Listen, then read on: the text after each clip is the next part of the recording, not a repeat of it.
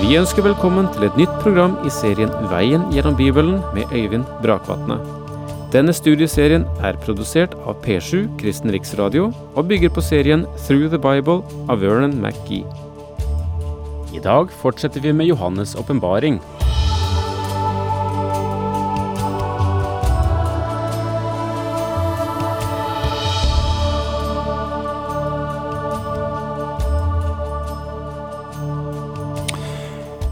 I det trettende kapittel i Johannes' åpenbaring møter vi to dyr.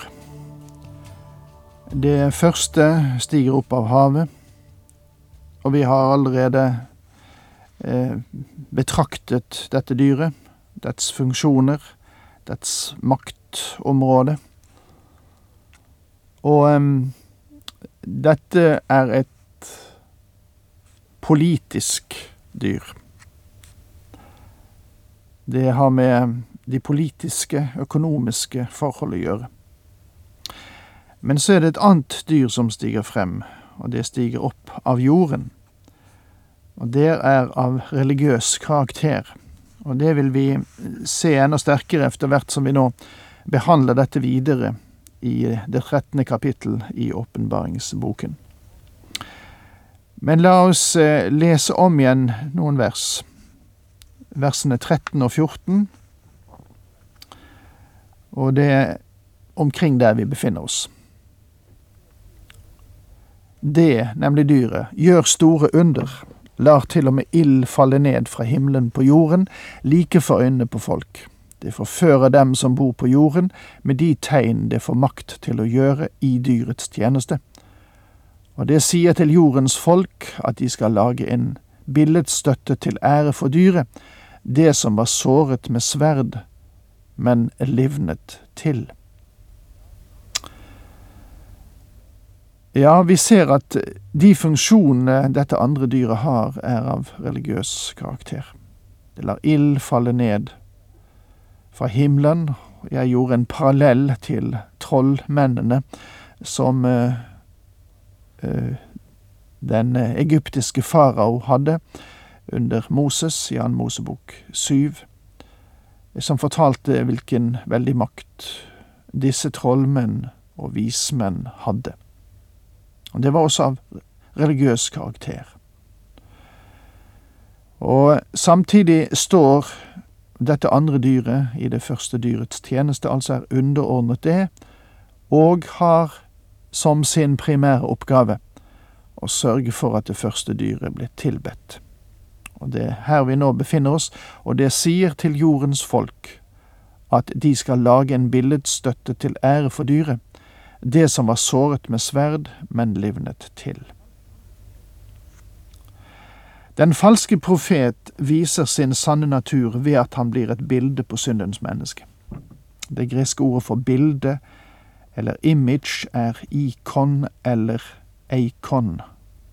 Kjenner de ordet ikon? Som betyr likhet.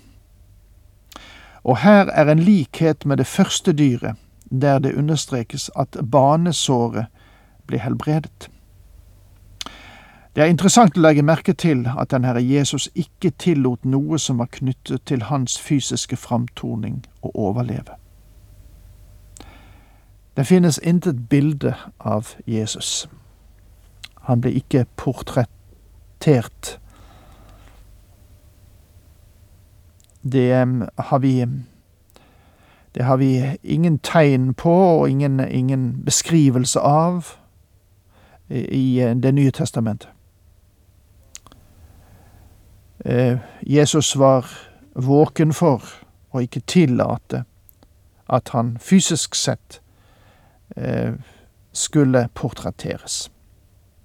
Men han som er bildet på Antikrist, vil til sist bli plassert i tempelet i Jerusalem, og jeg tror at dette blir den virkelige ødeleggende styggedom som Jesus henviste til. Den ødeleggende styggedom som profeten Daniel har talt om, skal da stå på det hellige sted. Forstå det, den som leser, står det i Matteus 24 vers 15. Dette er den ødeleggende styggedom som skal fremstå, og selv om jeg ikke vil være for bastant i mine påstander, så tror jeg at det vil være dette bildet på Antikrist, det første dyret. Det fikk makt til å blåse liv i dyrets bilde, så det til og med kunne tale, og til å la drepe alle som ikke tilba dyrets bilde.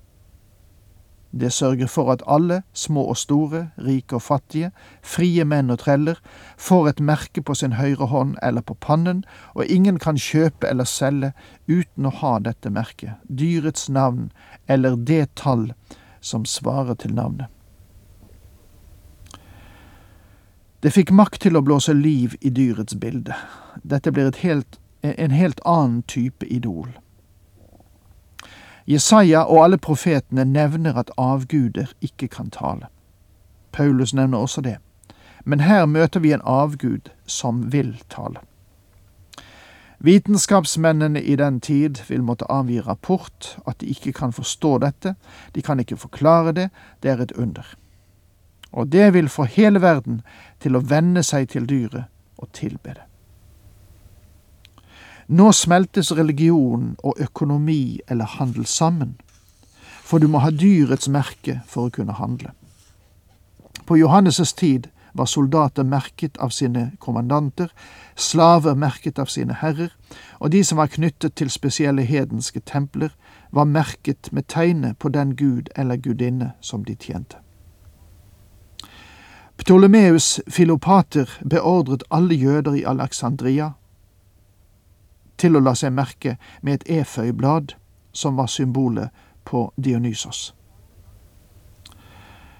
I våre dager er det røster som hever seg for å forenkle den jungel av plastkort vi etter hvert må dra på.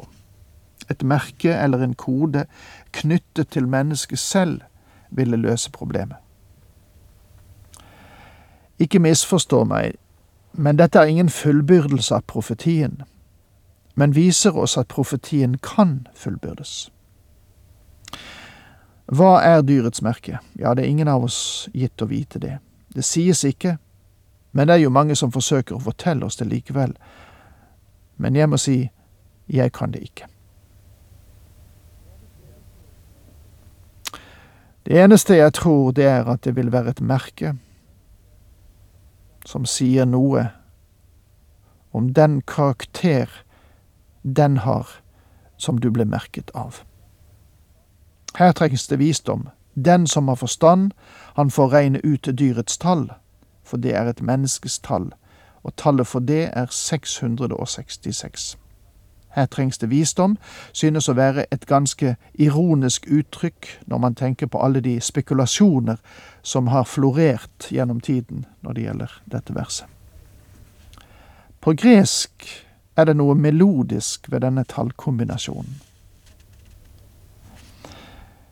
600 heter heksakosioi, 60 heter heksekonta, og 6 heter heks. Det er et, en tallmessig verdi knyttet til hvert av disse tallene, men vi må bare la dem stå der, for dyrets synlige tall og betydningen av det venter enda på sin fullbyrdelse. Og jeg tror ikke at dette har skjedd ennå. Dette tallet har vært et puslespill som mange mennesker har lekt med, men, mine venner, du vil ikke få vite hva som står bak dette tallet, før du kommer til den store trengsel. Og Jeg foreslår at vi ikke kaster bort tiden ved å forsøke å identifisere en person ved dette tallet. Tro meg, det har vært gjort mange forsøk på det, der resultatene har svinget mellom Adolf Hitler og Karl 12. Og istedenfor denne nytteløse sløsing med tid, trenger vi å presentere Jesus Kristus for at vi kan redusere det antall mennesker som skal gå gjennom den store trengsel, og som sannelig tidsnok skal få vite hvilket tall dyret har. Jeg er ikke for opptatt med å vite dyrets tall, og jeg er takknemlig for at jeg skal slippe å leve i den perioden og jeg må si at jeg er inderlig takknemlig i dag for at jeg kjenner Jesus Kristus som min frelser. Og i stedet for å bruke tiden på Antikrist, vil jeg lære å kjenne Kristus. Og jeg kan si med Paulus, da kjenner jeg ham og kraften av hans oppstandelse, får del i hans lidelser og blir ham lik i det jeg dør som han. Filippene 3, vers 10. Det eneste positive og viktige tema for oss i dag er at det første dyret er et menneske, og det lærer meg at jeg ikke skal stole på mennesker. Så sier Herren, Forbannet er den mann som setter sin lit til mennesker, som støtter seg til svake skapninger og vender seg bort fra Herren. Han er som en busk i ødemarken, han får ikke se at lykken kommer, men holder til i tørreste ørken, på saltholdig jord, der ingen bor. Velsignet er den mann som stoler på Herren og setter sin lit til ham. Han er like tre som er plantet ved vann og trekker røttene mot bekken. Det frykter ikke når heten kommer, men står der med løvet grønt. Det sturer ikke i tørketider og holder ikke opp med å bære frukt. Kjente du disse ordene? Ja, du finner dem i uh, profeten Jeremias' bok, kapittel 17, vers 5-8. Avsnittet i åpenbaringsboken interesserer meg ikke det minste hva angår dyrets tall, eller hvem han er, eller noe omkring ham, men det driver meg til å lære å kjenne Jesus Kristus bedre.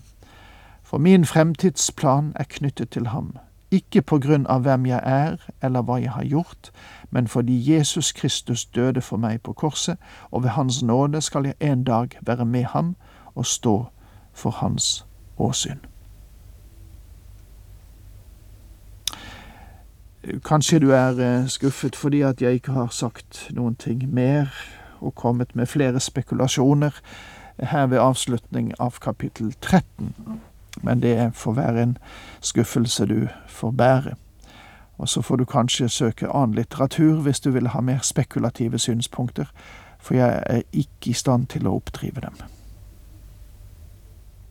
Nå til kapittel 14.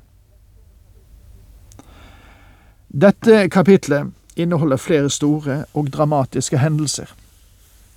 Det er et mellomspill der vi ser lammet på Sion, hører proklamasjonen av det evige evangelium, forkynnelsen av dommen over Babylon og over dem som preges med dyrets merke, deretter en lovprisning av dem som dør i Herren, og et forvarsel om Hamageddon.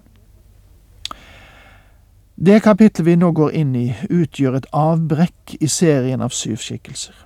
Og det er forståelig at dette mellomspillet ikke ville ha passet mellom den sjette og syvende skikkelse, som er de to dyr. Selvfølgelig måtte de ses sammen, for de er som siamesiske tvillinger, og kontinuiteten mellom dem kunne ikke bli brutt. Derfor følger dette mellomspill etter den syvende skikkelse som et uttrykk for den logiske konsekvensen i denne boken, som ikke er en tilfeldig sammensetning av visjoner, men utvikles i en logisk, kronologisk og matematisk orden. Ja, lengre kom vi ikke i dag, og vi vil fortsette med en introduksjon av kapittel 14 neste gang, før vi går inn på selve teksten. Takk for nå. Herren med deg.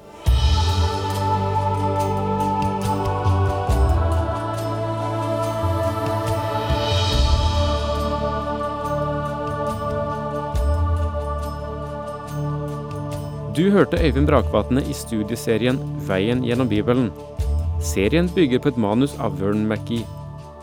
Har du spørsmål eller kommentarer til programmet, kan du sende en e-post til vgb krøllalfa p7.no. Takk for i dag, og på gjenhør.